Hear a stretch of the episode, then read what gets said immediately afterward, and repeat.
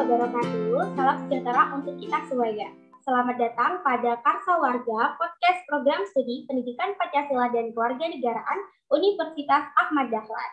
Nah, kali ini kita akan memasuki season baru yaitu Sapa Alumni. Nah, untuk season pertama ini kita akan kedatangan tamu atau alumni dari PPKN UAD yang sangat luar biasa. Kemudian uh, beliau ini merupakan perempuan berdikari, aktif dalam organisasi. Kemudian alhamdulillah sekarang uh, sudah menjadi seorang dosen di salah satu universitas gitu ya dan beliau ini bernama Tati SPD MPA atau uh, Tati Sarjana Pendidikan Master of Public Administration. Halo Mbak Tati.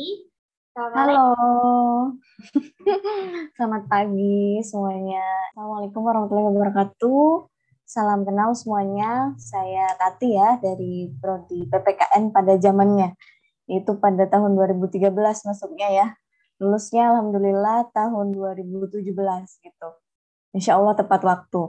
Terus uh, saat ini domisili kadang bolak-balik ya karena activity jadi di Bandung, kadang di Jakarta gitu. Menyesuaikan. Uh, untuk aktivitas tadi yang udah disampaikan sama Elvi ya, Elvi. Ini saya juga sekarang di Universitas Muhammadiyah Bandung, alhamdulillah sebagai tenaga pendidik juga. Terus kemarin baru dilantik juga di Dewan Pimpinan Pusat Ikatan Mahasiswa Muhammadiyah sebagai ketua bidang ya hubungan luar negeri. Terus saya juga bergelut di media ya dari awal masuk kuliah bahkan di PPKN yang mungkin Bapak Ibu dosen PPKN juga sudah tahu kalau saya dari dulu ketika jadi mahasiswa sudah aktif di pers mahasiswa, aktif di Aliansi Jurnalistik Indonesia juga sampai sekarang masih berlanjut di Rahma ID, Rahma.id sebagai wakil brand bedanya yang sekarang itu media yang saya tekuni adalah media inspirasi muslimah gitu ya. Nah, itu. Gimana, Elvi? Itu berarti Mbak sekarang tuh uh, kemarin ya habis dilantik ya di Ambitarium Universitas Ahmad Dahlan. Betul. Kepala bidang atau ketua bidang hubungan luar negeri ya Mbak? Betul, betul, betul. Nah itu uh, dalam bidang tersebut ngapain aja sih Mbak? Mungkin boleh diceritakan? Oke, jadi kalau uh, hubungan luar negeri itu bukan ini ya, tidak ada. Kalau misalnya di MM itu kita ada tingkatan komisariat, ibaratnya kalau di struktur pemerintahan kan ada tingkatan desa gitu ya, terus ada tingkatan cabang, misalnya tingkatan uh, kecamatan, terus kalau misalnya tingkatan uh, daerah itu tingkatan wilayah gitu ya. Nah baru kemudian kalau di pusat itu berarti tingkatan nasional. Jadi tidak serta merta kita langsung di DPP nih misalnya, kita juga harus melalui fase di komisariat, cabang, daerah sampai ke DPP yang kalau bidang hubungan luar negeri itu nggak ada di DPP ya, nggak ada, sorry nggak ada di DPD gitu, adanya di DPP. Eh, nah, ngapain aja sih yang apa aja sih yang kemudian biasa dilakukan di bidang hubungan luar negeri? Kita ada nanti lembaga kemitraan internasional di mana kita akan mengincludekan ya, menggabungkan gitu uh, lulusan-lulusan luar negeri. Terus kemudian kita juga akan mengcreate atau mencoba membangun nih bagaimana sih mendapatkan beasiswa luar negeri melalui English scholarship dan seterusnya itu juga. Terus yang memungkinkan juga biasanya kita membangun atau mengadakan semacam pertemuan misalnya mahasiswa atau pemuda Asia Pasifik atau ASEAN dan seterusnya itu yang akan dibangun untuk hubungan luar negeri. Jadi tidak hanya tidak lagi mengurusi daerah, cabang, komsat ya, tapi sudah memikirkan eksternal gitu. Jadi yang eksternal, eksternal itu tugas bidang hubungan luar negeri. Itu. Berarti kalau eh, permasalahan eksternal itu ada nggak sih Mbak IMM dari luar negeri yang sekarang udah di luar negeri gitu? IMM yang sudah dibangun di luar negeri maksudnya? Oke, banyak ya. Jadi ada pimpinan cabang IMM di luar negeri itu tujuh. Salah satunya di Aussie, Malaysia juga sudah ada. Nah, itu kita tinggal connectingkan mereka. Itu juga uh, secara moral ya, secara moral tetap tanggung jawab bidang luar negeri gitu. Jadi ada karena kan itu luar negeri ya mbak jadi lebih kepada eksternal berarti kalau uh, internalnya sendiri itu nggak ngapa-ngapain atau ada tugas lain nih mbak di internal oh. Banyak dong. Apalagi MM kan sebagai organisasi gerakan dan organisasi kemahasiswaan ya. ya. Nah itu yang jadi tanggung jawab kader MM yang di tingkatan DPP dan kader MM seluruh Indonesia tentunya. Jadi nggak cuma hanya sekedar nggak hanya sekedar misalnya ya udah di organisasi ikut nama gitu ya jangan. Hmm. Terus kan uh, sebelum Mbak ke DPP kan itu tadi Mbak bilang ke komisariat, lalu ke PC, kemudian ke DPD. Nah boleh dong Mbak diceritain gitu dari komsat mana, kemudian PC mana, terus kok bisa sampai ke DPP? Eh, progres sampai ke DPP itu seperti apa Mbak? Boleh diceritakan mungkin? Oke, dulu karena prodi PPKN itu komisariatnya pendidikan bahasa PB2 ya namanya komisariat PB2 UAD. Nah, maka eh, saya masuk di komisariat situ. Jadi PB2, kalau P itu PPKN, B itu bahasa B2-nya ya, bahasa Indonesia saya sama bahasa Inggris. Nah, itu dulu di Komsat. Terus ketika di cabang eh, saya Jasman Alkindi ya, sama Jasman Alkindi namanya Kota Yogyakarta. Terus DPD ya DPD Daerah Istimewa Yogyakarta. Di mana kalau saya kemarin pernah bikin cuitan ya, kok saya dilantik dari tingkatan komisariat, cabang, DPD sampai kemudian di tataran pusat ini di UAD terus gitu. Kayak sebagai alumni UAD ya, jadi memang mungkin rezekinya gitu. Nah, eh, terkait dengan perjalanan nih teman-teman, alumni terus kemudian eh, yang mendengarkan juga nantinya. Nah, dalam proses perjalanan organisasi tentu kita tidak pernah lepas dari circle politik, apalagi kalau ini tingkatan nasional ya teman-teman. Jadi nggak mudah sebenarnya. Terlebih banyak peminat, terlebih banyak yang ingin, terlebih daerah-daerah seluruh Indonesia yang jumlahnya 34 provinsi gitu ya. Dari total sekian daerah dan kader yang kemudian ingin berkiprah di tingkatan pusat, terus kemarin di proses pemilihan jadi sebelum sebelum jadi ketua bidang ya, sebelum di, masuk ke dalam struktural kan ada pemilihan calon formatur yang di situ jatahnya hanya 12 kader gitu. Nah, saya termasuk di dalamnya dan saya urutan ke-6 gitu ya. Nah, itu kan tidak mudah gitu. Uh, dalam perjalanannya yang yang bisa saya kaitkan dengan apa yang dulu saya dapatkan ketika kuliah di PPKN ya. Ini kaitannya dengan etika kewarganegaraan, etika civil society juga ya. Karena kita kan sebagai civil society nih, gitu. Kita sebagai warga negara. Tidak ada yang tidak mungkin ketika dalam berproses, berdinamika, dan berorganisasi kita mengutamakan etika. Yang sederhananya kita bisa maknai sebagai attitude ya.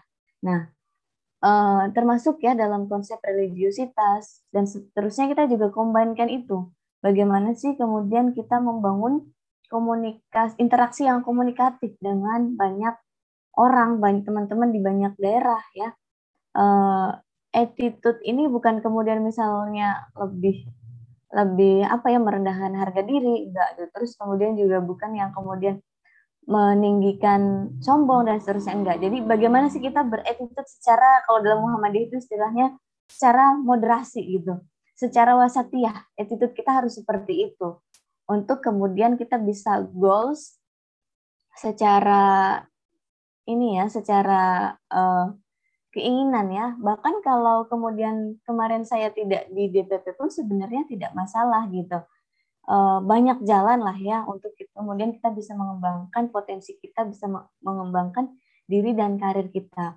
Nah jadi kompleks ya tadi uh, saya mengkombinkan bagaimana prinsip moderasi dan wasatiyah Muhammadiyah juga etika kewarganegaraan yang sempat dan sering saya dapatkan ketika saya kuliah gitu dan itu saya coba praktikkan untuk prinsip diri untuk berorganisasi itu yang membedakan kita dengan mungkin uh, pengurus atau pimpinan lainnya gitu ya dalam ber-IMM atau teman-teman yang organisasi di luar IMM juga kadang kan perlu mengutamakan dan mengedepankan persoalan etika karena first impression orang ke kita tuh dari etika kita gitu ya nah itu teman-teman ya enggak El? Gimana El? Ya nih, Mbak kan berarti berhubungan dengan etika sama politik ya Mbak ya. Itu uh, sangat berbanding lurus ya dengan program studi Mbak dulu waktu S1 yaitu PPKN. Nah, uh, selama ini apakah Mbak S1 itu, PPKN itu apakah berdampak pada uh, keorganisasiannya Mbak gitu mungkin? Of course dong, jelas ya. Jadi tetap ada dampaknya, utamanya masalah etika tadi gitu. Di mana kalau kita bicara uh, fenomena organisasi hari ini kan ya misalnya orientasinya berbeda dengan orientasi organ anak-anak organisasi tahun 98 ya tetap ada pergeseran. Nah uh, beruntungnya kita di PPKN kita telah mendapatkan itu kan ada mata kuliah etika juga ya di PPKN ya. Terus ada mata kuliah uh, pendidikan keluarga negaraan juga gitu ya. Banyaklah yang kemudian bisa kita combine terus kemudian kita pernah dapat nih mata kuliah uh, konstitusi gitu ya, di mana kita belajar piagam Madinah. Nah, itu kan sangat menunjang banget nih. Oh, misalnya diajarkan piagam Madinah, bagaimana sih kemudian dulu proses politiknya Nabi Muhammad dalam merumuskan regulasi ya piagam konstitusi yang kalau kita uh, cermati, kalau kita pahami itu terus disinkronkan ya prinsipnya piagam Madinah itu sampai hari ini relate terus kok gitu. Jadi para perumus kebijakan itu policy maker itu kan ya harus melihat bagaimana sih uh, harus melihat membaca ya dan menganalisis ya mengkombinkan bagaimana sih kemudian bisa piagam Madinah itu bisa tetap dimasukkan di dalam regulasi sekarang gitu. Jadi banyak banget yang relate ya dari materi yang saya dapatkan di PPKN gitu. Semuanya masuk.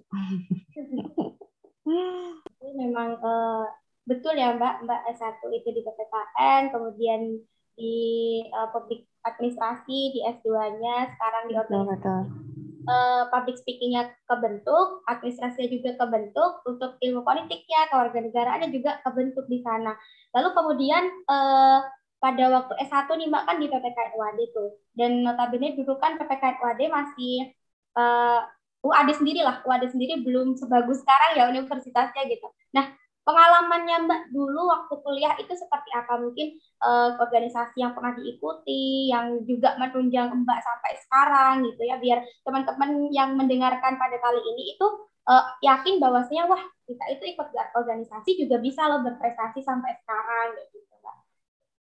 Oke, dulu uh, saya di PES mahasiswa poros, bahkan kalau waktu di UAD itu saya juga jadi Menteri Kajian Strategis ya masuk BEM gitu. Terus uh, untuk apa namanya saat ke prestasi lainnya mungkin ketika ketika di ketika lulus ya saya di bulan periode wisuda November tapi alhamdulillah dari prodi saya peringkat tertinggi gitu ya untuk IPK gitu walaupun mungkin ini ya teman-teman. Jadi peringkat tertinggi untuk IPK alhamdulillah. Walaupun jadi semacam oh kayaknya nggak mungkin orang saya beberapa kali izin kegiatan organisasi gitu ya.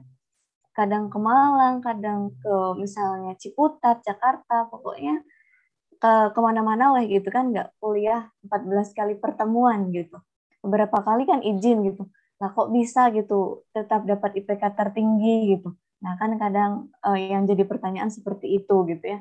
Nah, mungkin ini kebantu. Jadi sebenarnya PPKN orang uh, mahasiswa PPKN yang yang ikut berorganisasi itu relate banget. Apa yang kita dapatkan di organisasi itu uh, skill lainnya kita dapatkan di prodi PPKN. Kita terapkan di organisasi gitu. Itu itu uh, keberuntungan saya masuk prodi PPKN ya gitu kok relate banget dengan uh, prodi saya gitu. Seperti misalnya ketika kita membahas isu di dulu di BEM ya, isu ketika misalnya di MM, isu-isu pemerintahan dan seterusnya itu kan juga kita sudah dapatkan di PPKN secara struktur pemerintahan, infrastruktur misalnya seperti itu. Nah, itu plusnya ya.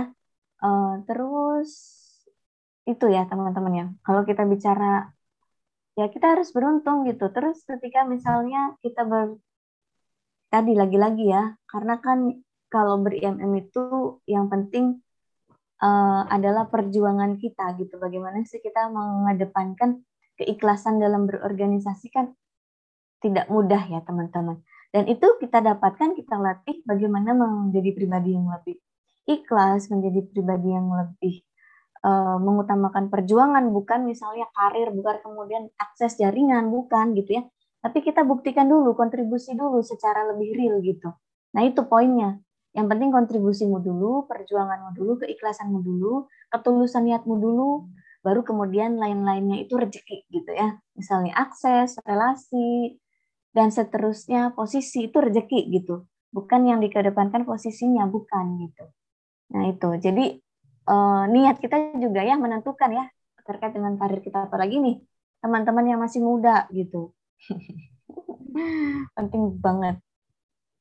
Dan kemudian dengan karena ada pen dulu ada mata kuliah moral juga ya di PPKN pendidikan iya, moral, moral Pancasila. Ya kemudian dengan keikhlasannya Mbak itu sekarang membawa Mbak menjadi salah satu uh, pengurus di DPP IMM. Betul. Gitu ya. Bahkan, bahkan IMM-nya tuh udah pusat, udah nasional gitu. Di Kabit lagi ya Mbak ya dan kemarin juga sempat uh, terpilih menjadi salah satu formatur dan itu menurut saya sangat sulit ya Mbak untuk menjadi seorang formatur bahkan nasional. Nasional kan berarti ya. itu meliputi Iya itu pertama kali tuh. Nah, ada yang masuk. Iya, pertama kali berarti kan lah lumayan sekali gitu dan memang ya Mbak dengan keikhlasan kita ikhlas dalam segala bentuk kegiatan kita, kemudian untuk posisi, untuk relasi itu nanti nanti pasti kita dapatkan gitu itu bonusnya itu. Nah Mbak ini kan udah di DPP IMM ya, terus juga menjadi seorang dosen sekarang. Nah cara membagi waktunya itu seperti apa nih Mbak dari Mbak Tati sendiri? Oke. Manajemen waktu ya. Jadi eh, walaupun yang penting kita ini, kita identify kelemahan kita, identify terus apalagi kemampuan kita, kelebihan kita. Jadi misalnya kadang saya kalau terlalu diam itu gabut gitu ya. Apa sih gabut tuh bahasa Indonesia? hmm, ya gabut deh gitu ya. Jadi kalau misalnya nggak ngapa-ngapain tuh gabut dan itu dari dulu gitu ya. Jadi kalau misalnya hanya sekedar kuliah pulang, kuliah pulang, ya saya ngapain gitu. Misalnya seperti itu. Nah, begitupun ketika uh, saya alhamdulillah jadi dosen, terus tidak ada no other uh, activity, jadi saya juga kabut juga gitu. Nah, makanya kemudian ketika didorong untuk yuk lanjut ber DPP ya, it's okay untuk menyelesaikan IMM uh, eh, menyelesaikan IMM ya biar lebih kafah gitu jadi kader IMM gitu ya. Makanya sampai pusat dan seterusnya. Bagi waktu sepinter-pinternya kita ya kalau masalah manajemen waktu. Tapi juga tidak terlalu jangan sampai terlalu menyiksa diri. Jadi ketika memang capek ya istirahat lelah ya istirahat. Terus seperti misalnya lagi dalam perjalanan nih gitu ya. Uh, saya biasa menggunakan kereta kalau pulang pergi Jawa. Nah, itu kan tetap ya untuk jam tidur misalnya jam 12. Nah, kalau sebelum itu kan tetap di kereta saya bisa buka laptop atau baca buku dan seterusnya. Pintar-pintar kita gitu. Termasuk berikut juga dalam hal komunikasi. Kadang kalau kita sudah di tingkatan pusat pusat itu banyak banget gitu misalnya yang ngomongin ini itu dan seterusnya, tapi kita tetap batasi untuk jam komunikasi terus kemudian juga untuk uh, jangan jangan terlalu baca WhatsApp terus gitu untuk meningkatkan wawasan kita baca Twitter gitu ya terus baca uh, YouTube dengarkan YouTube dan seterusnya. Itu pandai-pandai kita memanajemen diri dan waktu.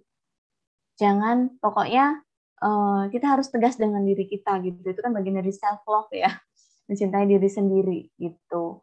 Tapi juga jangan terlalu menyiksa jangan terlalu gila uh, apa ya jangan terlalu more activity lah jangan terlalu kelebihan aktivitas lah. Disesuaikan dengan imun teman-teman itu yang penting untuk tetap menjaga stabilitas kesehatan. Oke. Okay. Untuk uh, Mbak kan berarti ini konsisten sekali ya dengan IFM, kemudian dengan persyarikatan Muhammadiyah gitu. Apa yang membuat Mbak konsisten bisa sampai DPP nih? Oh, kok bisa apa ya percaya diri? Wah, nah, ini ternyata bisa ya, ternyata gini ya gitu apa sih yang membuat Mbak uh, konsisten seperti itu, konsisten untuk menghidupi salah satu ortom di Muhammadiyah gitu, dan bahkan sekarang Mbak juga uh, menjadi dosen di salah satu Universitas Muhammadiyah di Bandung gitu ya Mbak. Apa yang membuat Mbak sampai konsisten gitu? Oke, kalau soal konsisten karena uh, ketika awal masuk IMM itu kok saya klik gitu ya, kok saya klik dengan misalnya uh, ide-ide dan gagasan pendiri Muhammadiyah lebih modern, lebih openless gitu ya, terus lebih moderat gitu. Jadi uh, ngerasa dapat feelnya aja uh, proses interaksi keilmuannya juga di Muhammadiyah ini ketika awal jadi mahasiswa baru ya itu juga bisa saya dapatkan gitu. Nah jadi proses-proses yang seperti itu yang itu yang kemudian saya kok merasa klik. Terus kalau karena saya baru mengenal Muhammadiyah ketika di Jogja dan ketika mahasiswa maka uh, saya apa namanya ya hanya bisa mengikuti IMM saja. Walaupun pernah di PDNA Kota Jogja ya, Nasya juga pernah ya uh, sampai Nasya ya sampai sekarang masih di Nasya Kota Jogja dan belum ada pergantian gitu. Nah jadi merasa semacam sesuai aja gagasan dan pemikiran-pemikiran di orang-orang Muhammadiyah gitu yang kalau kita perhatikan uh, medsos di apa namanya data pusat statistik bagaimana sih uh, publik melihat Muhammadiyah ternyata setelah yang disampaikan Ismail Fahmi ya uh, pokoknya dia litbangnya digital lah ya. Nah Muhammadiyah itu mendapat dukungan banyak dari oposisi itu ya Muhammadiyah itu du uh, dapat dukungan banyak dari uh, bagian oposisi gitu. Tapi uh, saya nggak tahu kalau misalnya organisasi lainnya gitu di luar daripada Muhammadiyah. Nah itu penting banget. Mungkin karena kita terlatih untuk bersikap kritis, terlatih untuk mengutamakan proses analisis, proses keilmuan dalam berinteraksi dan seterusnya. Itu yang uh, membuat kita punya sense gitu ya, membuat kita punya interesting. Nah itu. Makanya kemudian kita bisa se berlanjut ini gitu untuk mengikuti dan mengikrarkan diri yang kita harus menjadi kader imam yang kafah gitu ya. Cie kafah. Oke. Okay. Untuk prosesnya sampai ke DPP ini sangat panjang ya Mbak dan bahkan uh, sampai S2, lulus S2 jadi dosen baru bisa ke DPP. Nah, Betul. untuk dengan DMM sendiri tuh Mbak, itu untuk sampai ke DPP itu ada nggak sih Mbak perkaderan khusus yang uh, menjadi syarat gitu? Iya, kalau perkaderan kan di IMM sama dengan organisasi pada umumnya ya, ada tingkatan uh, da daerah sampai tingkatan pusat pun saya yang pun yang saya ikuti. Darul Arkom Dasar. Jadi kalau di MM itu ada namanya Darul Arkom Dasar, ada Darul Arkom Madya, dan Darul Arkom Paripurna. Nah itu. Jadi ketika jadi kan Darul Arkom Paripurna ini kemarin menjadi syarat untuk bisa daftar sebagai calon formatur. Nah sebenarnya waktu Darul Arkom Paripurna di Medan 2019 lalu yang saya masih domisili Jogja juga, itu bertepatan dengan jadwal sidang tesis saya gitu ya. Jadi saya sebenarnya tidak begitu berminat gitu untuk mengikuti DAP gitu di Medan gitu karena saya lebih memilih uh, tesis saya dong walaupun jadi S2 ini ketika S2 ini saya belajar banget terlalu bagaimana sih menyeimbangkan akademik dengan organisasi di mana ketika S1 saya sering izinnya gitu ya. Nah, jadi saya tetap mengutamakan memprioritaskan sidang tesis. Nah, tiba-tiba dua hari menjelang keberangkatan ke Medan itu dosen penguji saya dan sekaligus pembimbing telepon mbak saya minggu depan ada uh, pertemuan di Jepang gitu ya. Jadi kita sidang tesisnya mundur minggu depannya lagi gitu. Oh alhamdulillah dong berarti kan saya bisa berangkat di AP gitu. Padahal jelang dua hari sebelum pelaksanaan di mana kalau daerah lain sudah pada berangkat dan sampai di Medan gitu ya. Nah dengan begitu kan berarti oh berarti memang ya tidak hanya kita yang menentukan, tapi juga Tuhan juga membantu uh, mempermudah gitu ya untuk misalnya saya bisa ikut di AP gitu. Jadi nilai-nilai Pancasilanya itu dapat banget ya ketuhanan yang Maha Esa gitu. gitu. Berarti memang sudah digariskan ya Mbak oleh Allah gitu bahwasanya memang Mbak harus ikut DAP, nanti setelah DAP uh, ikut DPP gitu. Jadi tesisnya uh, mundur karena itu uh, di cancel sama dosen bimbingnya gitu ya Mbak. Iya. Memang. Ya tidak hanya bersikap iya. pasrah ya, kita juga tetap harus ikhtiar dan memantaskan diri itu yang penting. Kalau ter, kalau kita sebagai anak muda tidak ada yang ber misalnya ya tidak ada yang berminat berselera untuk uh, misalnya dari Jogja pindah ke Jakarta pindah ke Bandung ya nanti siapa lagi yang akan meneruskan nah itu juga terkait dengan apa namanya kemauan. Generasi juga perlu ditingkatkan gitu. Jadi saya juga uh, punya PR misalnya untuk mengajak kader-kader di tingkatan uh, komisariat kom uh, cabang DPD untuk yuk ayo mau gitu untuk berjuang sampai ke tingkatan atas. Karena sebenarnya kalau saya kemarin mau di Jogja juga nggak apa-apa gitu. Misalnya di Unisa gitu ya daftar ngajar atau di kampus-kampus Muhammadiyah lainnya. Cuman karena ya tadi uh, prinsip positifnya saya uh, ingin dekat dengan rumah kedua orang tua gitu ya. Terus uh, prinsip lainnya ya siapa lagi yang akan melanjutkan kalau bukan kita yang mau gitu ya terkait dengan organisasi, aktiviti gitu. Nah itu itu yang perlu kita tanamkan teman-teman. Betul, apalagi Mbak juga kan e, di luar menjadi dosen gitu ya. Biasanya saya itu melihat pamflet-pamfletnya Mbak itu menjadi seorang pemateri e, feminisme gitu ya. Di mana feminisme itu kan lebih kepada keilmuan tentang perempuan, gimana caranya kita agar e, bisa maju sebagai seorang perempuan gitu. Dan sekarang Alhamdulillah Mbak Tati ini membuktikan bahwasanya saya ini perempuan tapi bisa loh menjadi seorang DPP gitu. Kamu juga pasti bisa gitu ya Mbak ya. Lalu kemudian Iya Iya, lalu kemudian kan Mbak ini kan uh, eh, S2 ya, S2 di Public Administrasi. Nah, itu di mana Mbak kalau boleh tahu? Di UGM ya, alhamdulillah. Di Universitas Gadjah Mada jurusannya manajemen dan kebijakan publik, tapi titelnya sama MPA, Master of Public Administration. Jadi ini juga unik juga. Uh, jadi ketika saya selesai S1 nih, itu 2017 tanggal 23. Pokoknya ijazah keluarnya di tanggal tertulis di ijazah tanggal sekian gitu. Nah dua minggu setelahnya saya alhamdulillah ternyata sudah bisa bekerja di Bawaslu Kabupaten Sleman itu. Jadi rezeki juga ya kalau menurut saya itu. Terus uh, setelah itu jadi saya kan jeda satu semester. Ceritanya dulu saya hanya sekedar uh, ya padahal targetnya pengen kuliah di luar negeri. Cuman karena karena S2 saya eh karena waktu itu saya sambil bekerja dan sudah bisa apa namanya ya alhamdulillah ya bisa membantu kadang orang tua gitu ya. Terus ketika saya iseng-iseng daftar gitu di UGM alhamdulillah gitu diterima. Dari yang tadinya total pendaftar itu 42 yang diterima 22 gitu. Itu di manajemen dan kebijakan publik Universitas Gajah Mada alhamdulillah. Jadi walaupun saya tidak tersampai ke luar negeri dengan uh, gelar MPA ya, ya sedikit bisa membantu lah ya. Jadi dulu saya kekeh banget pokoknya harus keluar negeri dan seterusnya. Dan kantor pun mengizinkan gitu. Uh, walaupun kan tidak ini ya kantor kan jam kerja ya, tapi ternyata diizinkan untuk ya boleh lah. Karena reguler juga di UGM tuh S2 UGM tuh nggak ada yang nggak ada yang ini ya nggak ada yang apa kelas karyawan gitu dan itu juga diizinkan ternyata oleh kepala sekretariat jadi kalau misalnya siang kalau ke kampus boleh gitu ya nah itu jadi ya alhamdulillah gitu ya eh, dalam perjalanannya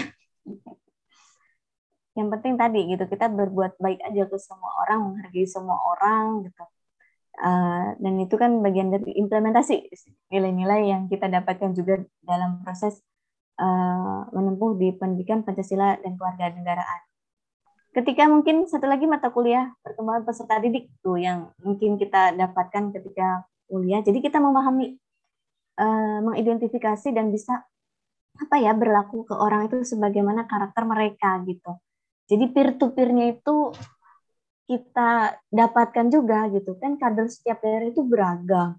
Terus kemudian eh, senior senior juga beragam perlakuan kita juga ke mereka jadi sesuaikan dengan karakter mereka. Jadi kita jadi pribadi yang adaptif dan fleksibel, flexibility gitu, fleksibel gitu ya.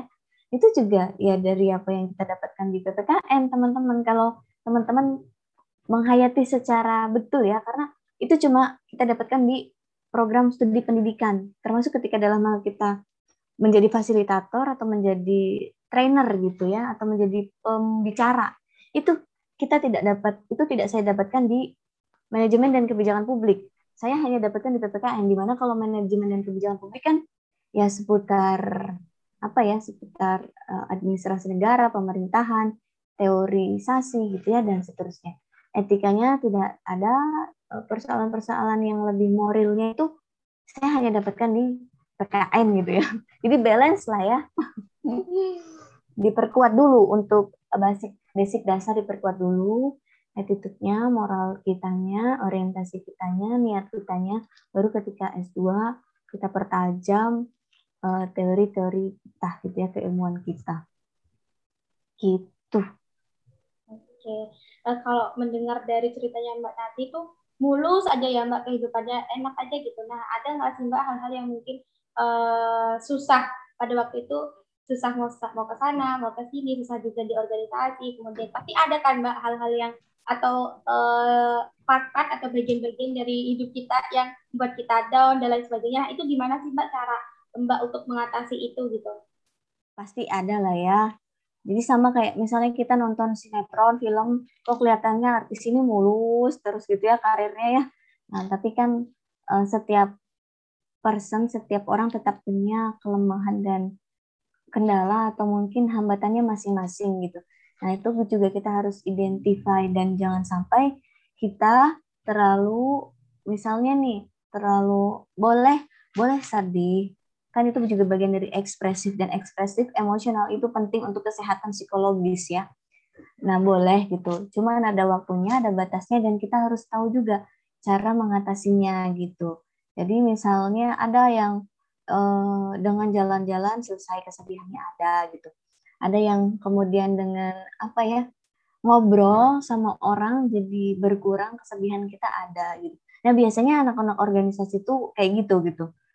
Cara dia mengurangi ke hambatan-hambatan mereka atau cara mereka mengurangi kesedihan-kesedihan, kegalauan mereka tuh dengan ngobrol dengan orang lain yang lain atau mengikuti nih, mengikuti webinar-webinar. Pokoknya menyibukkan diri itu juga bagian dari meminimalisir kesedihan kita gitu. Itu ya, itu ya fakta ya. Pokoknya ngikutin webinar, ngikutin Zoom, ikut acara ke mana, itu juga strategi mengurangi kesedihan kita. Biasanya seperti itu. Terus apa lagi ya? Manajemen diri juga ya tadi ya penting ya teman-teman ya. Eh, karena memang udah ikut organisasi ya Mbak ya, Mbak juga di perkuliahan juga ikut organisasi FM, lalu juga tadi poros, jadi memang udah terbentuk dari sana dan bagaimana cara kita terlatih, terlatih gitu, terlatih untuk bisa memanage diri, memanage waktu, mana yang lebih penting didahulukan dan lain sebagainya gitu. Nah eh, kemudian untuk eh, menjadi dosennya sendiri nih Mbak, Nah, saya pengen tahu nih, kok bisa uh, kemarin bisa sampai uh, ke UMB ya, Mbak, berarti Universitas UM Bandung. Nah, itu gimana sih, Mbak, kok bisa sampai ke sana gitu? Boleh diceritakan mungkin progres progresnya? Hmm, saya itu kan kalau sidang tesis Desember ya, jadi pokoknya saya selesai darul arkom paripurna ya, minggu depannya langsung sidang tesis gitu kan. Wih, alhamdulillah banget ya. Jadi purna purna di IMM secara perkaderan dan purna purna studi S2 juga gitu ya. Nah itu jadi uh, eh, 2000 Desember 2019 terus sambil nunggu ijazah yang akhirnya terbitnya April dan dikirimkan 2000 berapa tuh? Ijazah 2020 bulan April ya. Nah, tapi 2019 itu juga ternyata saya diajak join di mediarahma.id di mana yang merintis adalah uh, Kak Ulfa Mawardi itu staf sus Kemen PPA, terus Burita Pranawati komisioner KPAI yang juga wakil ketua dan uh, Mbak Dia Puspitari di Jakarta, terus kemudian di Bandung beberapa kampus coba saya apply. Nah, alhamdulillah yang kemudian mengundang terlebih dahulu untuk proses wawancara ya dan penugasan itu di UM Bandung. Jadi sebenarnya pas saya daftar tuh kalau di walau mungkin sebagian orang memandang ya karena kader Muhammadiyah gitu ya maka di kampus Muhammadiyah gampang masuknya gitu ya. Kan kadang kayak gitu ya pandangan orang tapi nggak nggak serta merta dong. Kita harus tetap mempertimbangkan priority kompetensi capacity gitu ya dan seterusnya. Nah itu. Jadi saya juga kebetulan ada tiga orang yang mendaftar juga waktu di UM Bandung ketika wawancara itu tiga orang gitu nah ya setelah wawancara dikasih penugasan untuk membuat jurnal dan proses tes lainnya alhamdulillah saya yang kemudian dipanggil gitu. Nah, itu. Jadi jangan menggampangkan sesuatu misalnya hanya karena kita kader IMM atau kader Muhammadiyah terus bisa semudah itu uh, untuk bisa masuk masuk Muhammadiyah. Kita tetap harus yang utama ya, kita tetap harus memantaskan diri itu yang penting. Secara kapasitas, secara kemampuan, karena ini yang kadang disering dilupakan oleh uh, kader lainnya. Ya udah gampang gitu masuk Muhammadiyah mah. Enggak enggak semudah itu gitu ya. Nah, itu. Jadi tetap harus yang utama adalah uh, meningkatkan kepantasan kita lah untuk misalnya kalau menjadi seorang dosen gimana capacity buildingnya ya menjadi seorang aktivis juga gimana kemampuan interaksi dan komunikatifnya ke relasi ke senior, ke silaturahmi yang lain dan seterusnya itu penting banget. Memantaskan diri. gitu. Berarti relasi juga ya Mbak ya? Alhamdulillah. Jadi memang relasi itu ya teman-teman yang mendengarkan eh, penting sekali ya baik dalam hal mungkin kita mencari pekerjaan ataupun pada saat kita butuh apa-apa gitu ya Mbak. Kalau misalkan eh, butuh informasi nih tentang suatu daerah gitu dan kita punya teman kenalan di daerah tersebut pasti kita juga e, tanya ke orangnya lebih tahu lebih paham orang tersebut gitu jadi itu juga memudahkan kita dalam e, berbagai kegiatan gitu lalu kemudian nah. e, saya pengen tahu soal e, kan mbak ini jadi dosen ya mbak ya itu dosennya itu mata kuliah apa atau di jurusan apa gitu mbak karena titel saya MBA, Master of Public Administration, maka dosennya juga di S1 Administrasi Publik. nah itu. Tapi tadi yang penting ini ya, kita mengedepankan uh, mengutamakan silaturahmi, tapi jangan sampai terlalu tujuannya untuk karir masa depan dan seterusnya. Pokoknya terkait terkait masa depan kita harus merdeka secara pribadi juga. Kita harus ya kita masuk situ memang karena kompetensi kita bukan karena relasi kita gitu kalau masalah relasi mah untuk ya karena untuk membangun silaturahmi itu terbuka banyak jalan misalnya akhirnya kita sering diminta ngisi ikut acara ini itu nah yang sebelum saya mungkin belum yang lain ketahui juga ya saya periode ini juga tahun ini juga masuk di kepengurusan JPPR ya. Jaringan pemilih apa itu? Eh, pemilih rakyat ya pokoknya. Eh, di tingkatan pusat Kornas uh, Kornas CPPR di mana di situ ada proses edukasi bagi calon-calon penyelenggara pemilu eh penyelenggara Bawaslu dan eh, KPU ya penyelenggara pemilu. Di antaranya Bawaslu sama KPU. Saya juga di divisi hubungan antar lembaga juga gitu. Di mana nanti bertanggung jawab terhadap uh, JPPR di tingkatan wilayah dan daerah gitu. Nah, itu. Jadi uh, itu alhamdulillah ya akhirnya kemudian kalau misalnya kita bisa membantu misalnya memberikan edukasi tentang pendidikan apa politik bagi penyelenggara pemilu di daerah-daerah kan plusnya kita bisa sambil keliling Indonesia gitu ya. Ini walaupun uh, itu plusnya di situ, tapi yang lain-lainnya kita juga ternyata bisa membantu mereka untuk uh, ya syukur-syukur bisa menjadi penyelenggara pemilu. Itu juga penting teman-teman. Jadi kalau misalnya ada alumni-alumni senior PPKN yang mau yang tertarik dengan untuk menjadi penyelenggara pemilu nantinya bisa lah untuk uh, mendirikan korna mendirikan JPPR di tingkatan kabupaten kota ataupun daerah masing-masing itu dengan berkomunikasi dengan saya promosi aktif di sana ya mbak ya di nah, tahun ini alhamdulillah JPPR nah. Itu untuk uh, bagian apanya itu mbak maksudnya Mbak tadi kan di hubungan antar lembaga. Nah, itu seperti apa itu, Mbak?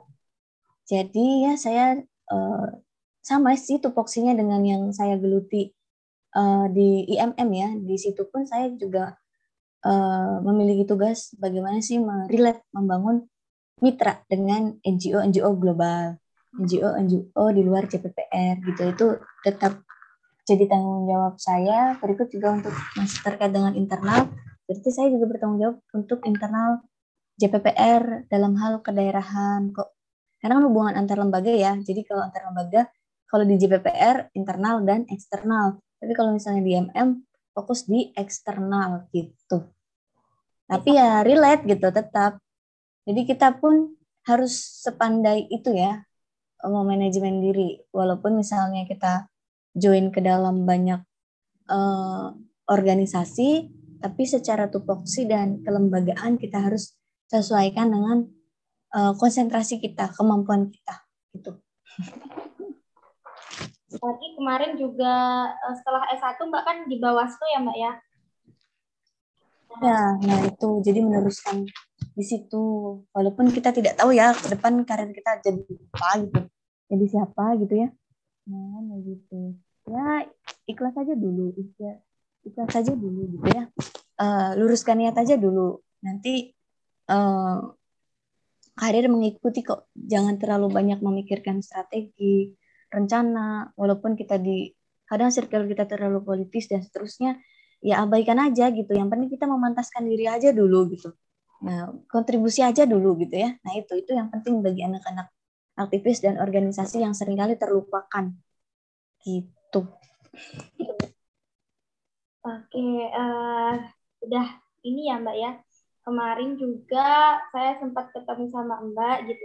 Dan alhamdulillah eh, karena saya juga di MPB 2, jadi alhamdulillah juga eh, bisa kenal sama Mbak Tati gitu ya. Saya juga sangat beruntung bisa kenal sama Mbak Tati gitu karena beliau ini merupakan salah seorang yang memang dia itu sangat berusaha dalam hal organisasinya mungkin lalu juga dalam hal karirnya gitu. Dan beliau itu tidak melupakan kewajibannya juga gitu loh. Kewajiban uh, beliau sebagai seorang anak juga mungkin lalu juga sebagai seorang manusia yang juga seharusnya berguna untuk orang lain. Jadi tadi ikhlas ya udah kerjain dulu aja kerjain dulu aja gitu.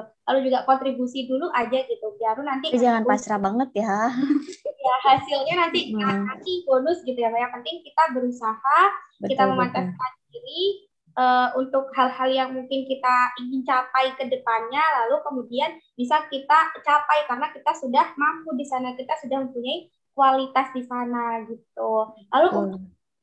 uh, kan ini uh, Mbak nih sebagai alumni PKN gitu ya Mbak. Untuk uh, kesannya sendiri kesan untuk uh, kuliah di PPKN itu kesannya seperti apa Mbak? Mungkin uh, ada hal-hal yang menarik di PPKN, lalu kemudian ada hal-hal yang mungkin orang lain tuh mesti tahu bahwa siapa PPKN itu seperti ini loh gitu. Oke, yang penting ketika kita memutuskan untuk berkuliah, kita harus maksimal ya uh, dalam proses belajar mengajar. Sekalipun teman-teman terkadang beraktivitas di luar kuliah gitu ya. Nah, tetap harus maksimal. Yang penting juga kita harus mampu mengetahui uh, cara atau kemampuan kita dalam hal belajar ketika kita sering izin. Misalnya kalau saya itu dulu jam-jam konsentrasi menjelang UTS itu jam 11 sampai jam 1 gitu ya. Itu sekali baca misalnya masuk kayak gitu. Nah, hal-hal kayak gitu sederhana ya, tapi harus kita identifikasi gitu. Kalau yang lain kan misalnya belajar subuh gitu ya. Ada yang subuh, ada yang beberapa kali baca gitu. Kalau saya malah justru malam gitu ya. Nah, kadang kayak gitu.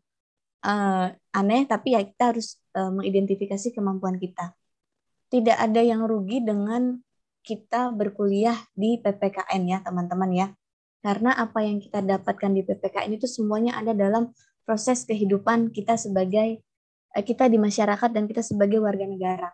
Nah, kita sebagai warga negara, entah kita nanti sebagai orang yang akan bekerja di lembaga, di perusahaan, di mana lagi di NGO, di di pemerintahan desa dan seterusnya. Pokoknya tidak ada yang uh, rugi ketika kita masuk prodi PPKN. Justru kita mendapatkan materi itu sebagai kayak bekal kehidupan aja gitu. Uh, penguatan moral dan penguatan attitude, sikap yang kita dapatkan di PPKN dan kita terapkan untuk kehidupan bermasyarakat kita baik kita nanti jadi pembicara, jadi pendidik, um, jadi uh, misalnya admin atau jadi konektor gitu ya antara orang dengan orang yang lainnya itu juga ya secara moral, moral saya dapatkan dari PKN ya teman-teman ya. Nah itu yang penting karena bagaimanapun kalau kata orang kan kuliah S1 tuh kita kuliah S1 di mana tuh itu yang paling berkesan ya. Nah itu. Apalagi kalau teman-teman misalnya di usia remaja, hmm, bingung lagi pilih mana nih. Nah, walaupun dulu alasan saya masuk prodi PPKN tuh karena peminatnya sedikit tapi peluangnya banyak gitu ya. Ternyata saya telah membuktikan itu gitu ya. Peminatnya sedikit, peluangnya banyak dan alhamdulillah saya berpeluang menjadi uh, formatur dan di MM juga terpilih gitu ya, formatur DPP MM yang terpilih. Ya, salah satunya dengan kita sungguh-sungguh ketika belajar di perkuliahan dan kita tetap uh, berbuat baik misalnya ke Bapak Ibu dosen dan seterusnya itu penting banget. Oke, betul. Uh, boleh dong Mbak mungkin dikasih pesan nih untuk adik-adik kita atau untuk saya sendiri gitu ya. Saya juga masih seorang mahasiswa PKN atau mahasiswa yang aktif dalam organisasi juga gitu mungkin boleh dikasih pesan uh, bagaimana cara kita untuk memposisikan diri sebagai seorang mahasiswa, sebagai seorang aktivis di organisasi, dan juga sebagai seorang anak juga gitu ya Mbak, yang berbakti kepada orang tua. Oke, okay. uh, eh, pesan ya. Uh, manajemen diri itu penting, memantaskan diri itu penting. Ya tadi ya, uh, walaupun kadang kita tidak akan menemukan jati diri kita diri kita tanpa mencari diri jati diri kita secara sendiri dan mandiri. Jadi ketika apa ya? Ketika ditanya apa sih yang kamu dapatkan di IMM gitu ya? Kalau kita tidak melalui proses mencari itu sendiri, kita tidak akan mendapatkan apa pun. Kita tidak akan bisa menjawab apa pun gitu. Nah, maka teman-teman harus mencari itu secara sendiri dan mandiri di dalam organisasi mana pun dan di dalam proses kuliah itu sekalipun gitu ya. Kalau teman-teman tidak sungguh-sungguh, tidak tulus, tidak ikhlas ketika belajar, tidak tulus ketika belajar, ya teman-teman nanti cuma sekedar hambar, kuliah cuma sekedar formalitis, yang penting lulus nanti karena nanti jadi guru atau bekerja di uh, perusahaan atau lembaga bapak saya kan ada yang kayak gitu ya. Dan itu nanti nggak kita nggak dapat sense apa ya, jadi hambar deh gitu Eh, nah, itu yang harus kita ubah. Kita harus meningkatkan usaha kita juga dengan memadukan konsep-konsep keilahian ya. Pokoknya seimbang, berserah diri dengan usaha agar apa yang kemudian kita rencanakan ketika memang itu tidak berhasil ya, kita tidak terlalu uh, jatuh karena itu adalah pilihan Tuhan untuk kita gitu ya. Pilihan yang uh, Tuhan tentukan untuk kita. Jadi tetap semangat belajar pokoknya uh, di PPKN tidak ada yang tidak pokoknya teman-teman beruntung lah masuk ke PPKN itu karena apa yang kita dapatkan di semua mata kuliah PPKN itu kita uh, itu sangat berguna dan bermanfaat sekali untuk kehidupan kita di masyarakat, kehidupan pekerjaan kita dan kehidupan kalau kita berorganisasi gitu. Teman-teman maksimalkan dalam belajar itu penting. Gitu ya. Nah, itu sih. belajarnya dimaksimalkan, berinteraksinya dimaksimalkan, dan harus ikhlas, niatnya tulus gitu. Bukan hanya sekedar uh, karir, karir, karir. Pikirannya jangan hanya sekedar karir, karir. Tapi uh, kita berkontribusi aja dulu, berikhtiar aja dulu, bersyukur. Kan kita berikhtiar juga bagian dari konsep syukur ya teman-teman ya. Kita diberi anugerah uh, kesehatan fisik ya. Kita harus tetap memaknai syukur itu dengan usaha kita, usaha-usaha kita. Uh, mungkin uh, untuk percakapan uh, kita pada siang hari ini itu sangat panjang ya Mbak dan juga Betul. juga untuk para pendengar kita nanti di uh, podcast Karsa Warga di Prodi PPKN UAD ini Lalu kemudian juga uh, Mbak sebagai alumni Prodi PPKN yang juga menginspirasi kita semua uh, sebagai seorang perempuan gitu yang alhamdulillah sekarang sudah menjadi seorang dosen, kemudian juga tadi aktif di Rahmat ID juga, terus juga uh, sekarang juga sudah mulai aktif di DPP IFM, lalu tadi juga di apa JPPR, JPPR ya, Koordinasi PPR nah, ya. Itu juga aktif di sana gitu. Dan itu bisa balance loh teman-teman semuanya pendengar uh, yang setia gitu ya. Itu bisa dijalani semua oleh Mbak Tati gitu. Jadi kita pun juga pasti bisa untuk menjalani itu gitu. Kalau misalkan kita itu uh, ikhlas tadi ya untuk kita itu mampu. Kemudian kita itu uh, berusaha untuk terus memantapkan diri. Kita berusaha untuk uh, terus belajar dan uh, membangun relasi yang baik gitu ya. Walaupun mungkin dalam relasi itu ada orang-orang yang ingin menjatuhkan kita gitu. Tapi itu tidak uh, bisa membuat kita itu berhenti sampai situ aja gitu. Tapi kita bisa untuk membuktikan di membuktikan diri bahwa kita tuh bisa loh walaupun kamu menjatuhkan saya mungkin nanti. Tapi alhamdulillah sampai sekarang uh, saya masih tetap berdiri di sini kayak gitu. Oke terima kasih banyak kepada Mbak Tati. Uh, di tengah-tengah kesibukannya Mbak Tati alhamdulillah Mbak Tati ini bisa uh, apa ya memprioritaskan kita nih memprioritaskan uh, podcast Karsa Warga ini. Bisa kita bisa sapa alumni gitu ya kita bisa uh, ngobrol santai seperti ini alhamdulillah sekali. Dan saya juga sangat beruntung bisa ngobrol sama Mbak Tati gitu. Oke mungkin itu saja ya teman-teman pendengar pada podcast uh, Karsa Warga season kali ini dan season selanjutnya kita akan mendatangkan alumni prodi PPKN yang luar biasa juga dan alhamdulillah Mbak Tati ini sebagai pembuka season uh, sapa alumni pertama gitu ya Mbak dan uh, juga sebagai pembuka, tapi juga sudah alhamdulillah udah luar biasa nih. Berarti besok-besok juga harus tetap luar biasa ya, Pak. Oke, terima kasih teman-teman yang sudah mendengarkan. Uh, jumpa lagi pada podcast selanjutnya, kakak warga selanjutnya di season Sapa Alumni. Itu saja, terima kasih. Uh, bila bisa bidul hak, pasti bidul khairat. Wassalamualaikum warahmatullahi wabarakatuh.